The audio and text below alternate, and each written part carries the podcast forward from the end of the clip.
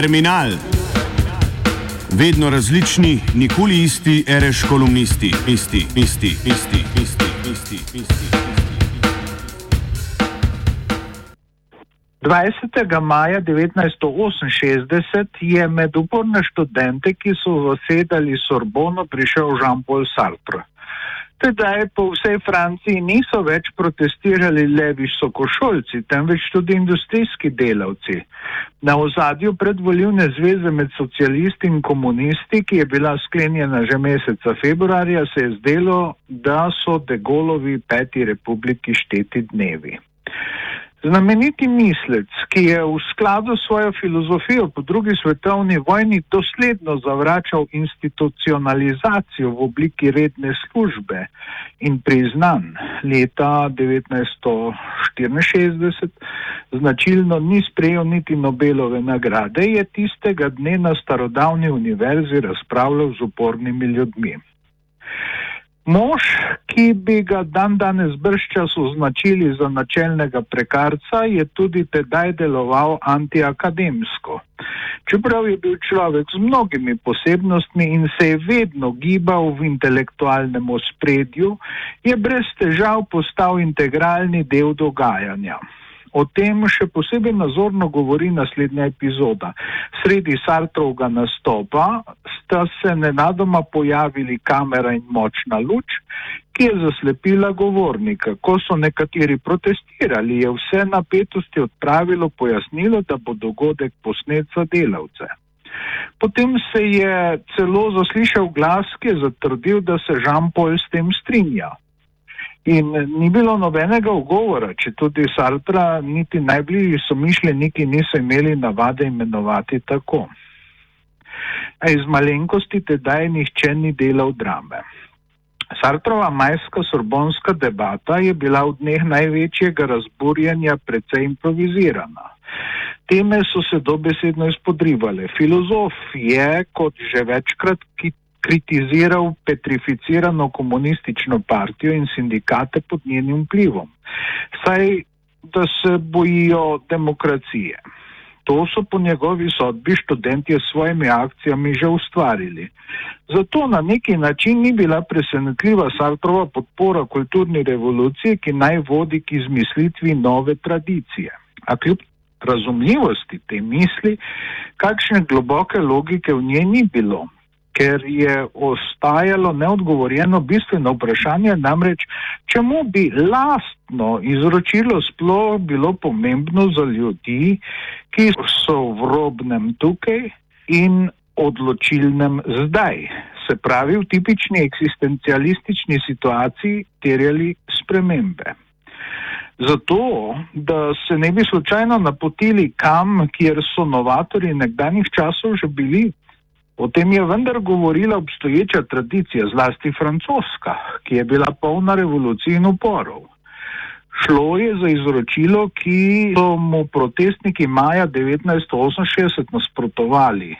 In kdo je bil nekoč bolj proti toku kot general v Elizejski palači? Manj kot 30 let nazaj se je sam zoprstavil rojakom, ki so podpirali ustavitev sovražnosti s Hitlerjevim rajhom.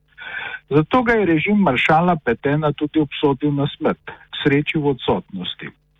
Glede na to, da je Sartre menil, kako so študenti demokracijo, ki je tuja golistični republiki in neznosno za komunistično partijo že ustvarili, je na dlani sklep, da je sloviti mislec zaznaval stvarnost na singularen način. Revolucija naj bi v bistvenem smislu že bila izvršena. Zelo se je motil, kar so kmalo pokazale generalove poteze de Gaulle, ki se je že skoraj vdal v usodo, da je le še reprezentant preteklosti v sedanjosti, je po obisku pri francoskih četah v nemškem Baden-Badenu obnovil svojo samozavest in razpisal volitve, na katerih je njegovo gibanje premočno zmagalo. Tako si tudi ljudem, ki so zagovarjali spremembe, ni bilo treba izmišljati nove tradicije. Bili so premagani, kot že toliko krat. Sicer pa Sartre 20. maja 1968 ni povedal ničesar zares novega. Bil je tradicija kar sam po sebi.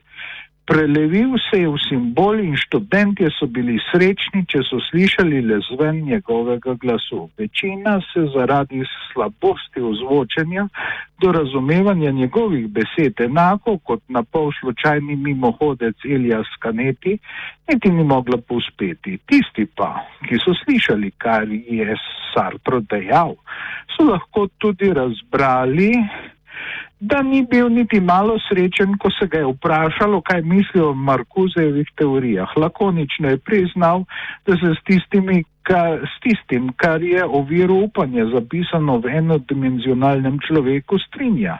Sicer pa ni bil voljan kaj veliko razpravljati o nemško-judovskem filozofu, ki je med drugo svetovno vojno delal za ameriško obveščevalno službo. Menil je, da bo še veliko časa za debato. A slabo leto pozneje, 10. februarja 1969, je bilo že vse drugače. Ko je Sartre nastopil na protestu proti izgonu 30-terice študentov z univerze, je dobil na mizo listek s pozivom naj bo jasen in kratek. Sloviti mislic je kljub zagovoru mladih upornikov med njimi izgubljal ugled. Nagnjenost k logoreji ga je v času akcije vrgla z piedestala nedotakljivega. Pa lahko še tako svarijo očete, da jim edino njihovi sinovi rešujejo pred ničem, iz objema katerega naj bi se sami nikakor ne mogli izviti. To, da njega je pred pacem brezno, brez dna potem rešilo ustvarjanje monumentalne, a povsem nepeljive študije o družinskem idiotu Gistavu Flaubertu. Sartrov zato ni bil povezan z letom 1968, medtem ko je general ki se je po svoji volji poslovil, ko po zmagi nad nezadovoljneži ni dobil podpore za daljnosežne reforme, imel vsaj pol naslednike, je za filozofom ostala bo polna praznina, čeprav je na zadnje vse vedel celo o očetih in sinovih. A napaka je bila v tem, da je slednje prej skušal zaposliti z opravki svoje generacije z neskončnimi razpravljanji in analizami. Vse to je zdaj seveda že zgodovina, vendar za sedanjost ne nepomembna.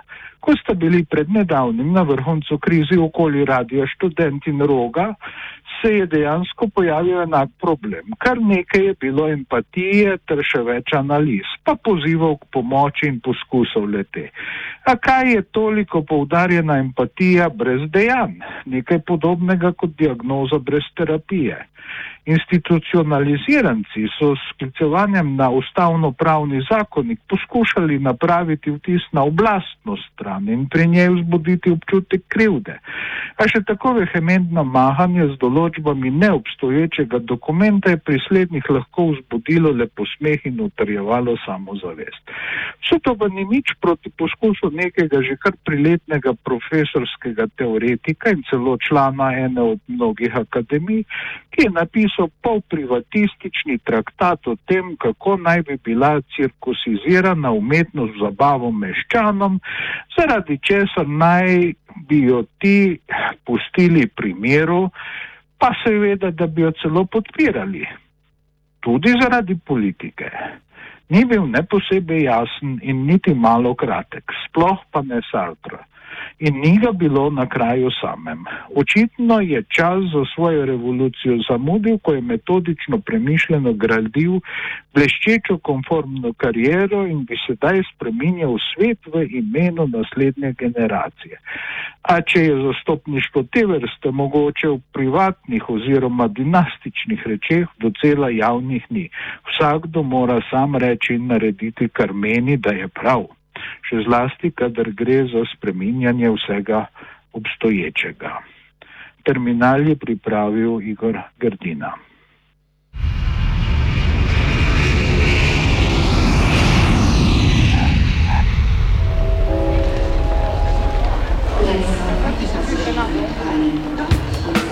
Terminal. Vedno različni, nikoli isti, reš kolumnisti, isti, isti, isti, isti, isti, isti.